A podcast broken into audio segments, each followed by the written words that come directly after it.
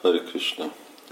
Válaszolok kettő kérdés, hasonló kérdés, ami Gopi Chandra Prabhu kérdezett. Mind a kettő idézi Simad Bhagavatamot. Egyik, hogy van Bhagavatamban szó emberáldozatról. Kérdése, hogy ez egy rendszeres dolog volt, vagy nagyon különleges vagy kivételi dolog. A másik kérdés az, hogy van ott szó rabszolgáról is. És akarja tudni, hogy a, a védikus kultúrában ez a gyakorlat, ez is általános volt, vagy nem.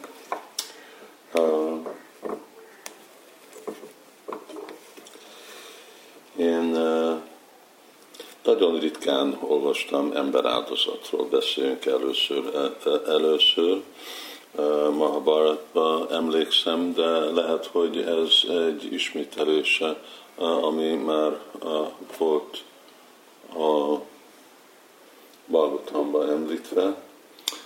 Lényeg, hogy nem egy mindennapi dolog. Amennyire mi olvasunk ló áldozatról általában, nagyon keveset tehén áldozatról, ló áldozatról, és másféle jagjákról, addig e, ezen az egy példán kívül nem, nem hallunk és nem olvasunk sokat emberáldozatról. Szóval én mondanám, hogy ez egy nagyon ritka féle áldozat.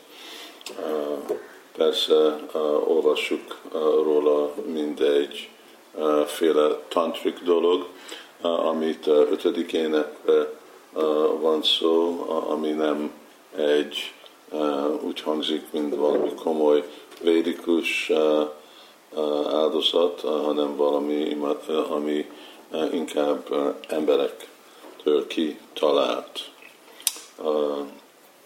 Történelmileg volt több ilyen példa, amit a, a, amivel az angolok is kapcsolódtak, de hát az már nem védikus kultúra, amikor beszélünk. Szóval erre a válasz, amit adnám, hogy egy szigorú, működő védikus kultúrába ritka lenne a ember áldozat, és ez az ember áldozatnak persze olyanféle feltételei van, lettek volna, mint a, a tehén, vagy a ló áldozat, ami azt jelenti, hogy akkor jó, vissza kell életbe hozni az, aki áldozva van, vagy egy magasabb szintre van emelve mennyi bolygókra a félistenek között.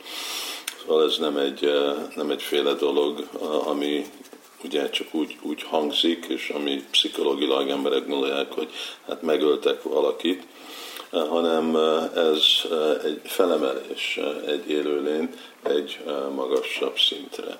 Amit persze, hogy az a féle imádat, amit a a rablók próbáltak csinálni Jad az nem működött volna, de az, ami a hivatalos védikus rendszerben, az igen.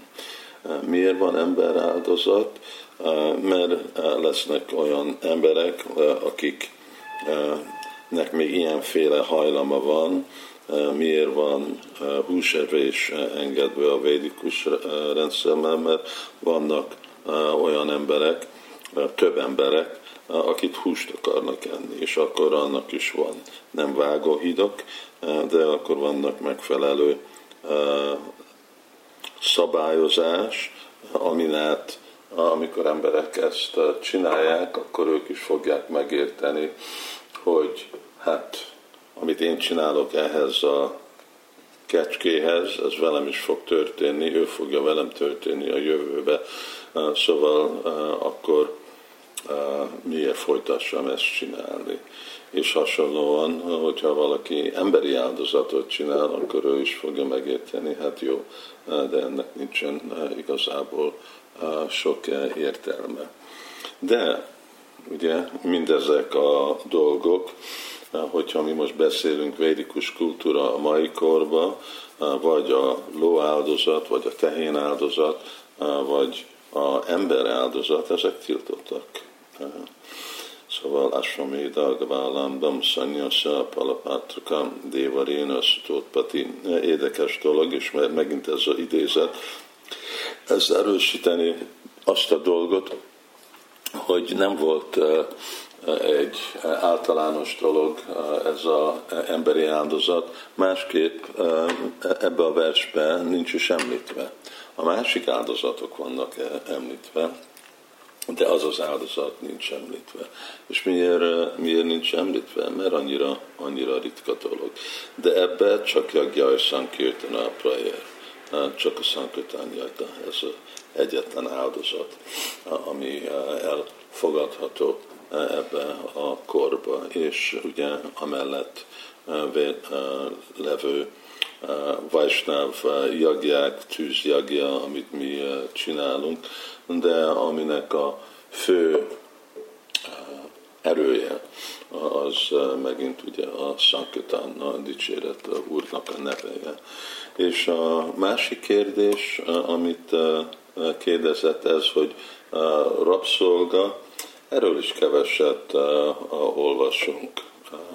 Szóval akkor anélkül, hogy csinálnák több részletes kutatást, akkor azt mondanám, hogy amennyit én tudok, hogy ez egy ritkaféle dolog, hogy valaki megvásárol valaki mást, és ez a rabszolga, de hogyha létezik ez a védikus kultúrában, akkor megint nem úgy gondolni, hogy a rabszolga, amit a mostani elképzelés jelent ez a szó.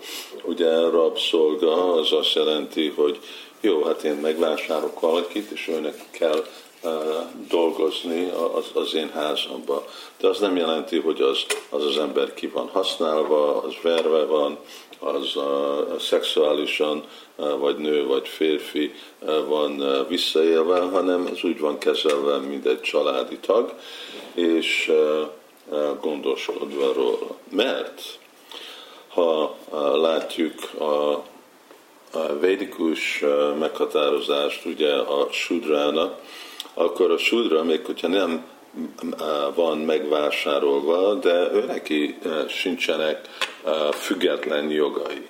Ő nem kap fizetést, ő, nem, ő csak a ruhát kap, evést kap, a szállását kapja, de azon kívül nem kap szabadságot csinálni, amit akar, és nem egy fizetésre működik, és nem egy független élet, hanem az ő dolga és kötelessége, amit olyan sokszor említett Sila Prabhupád a könyveibe, a szolgálni a magasabb rendszereket.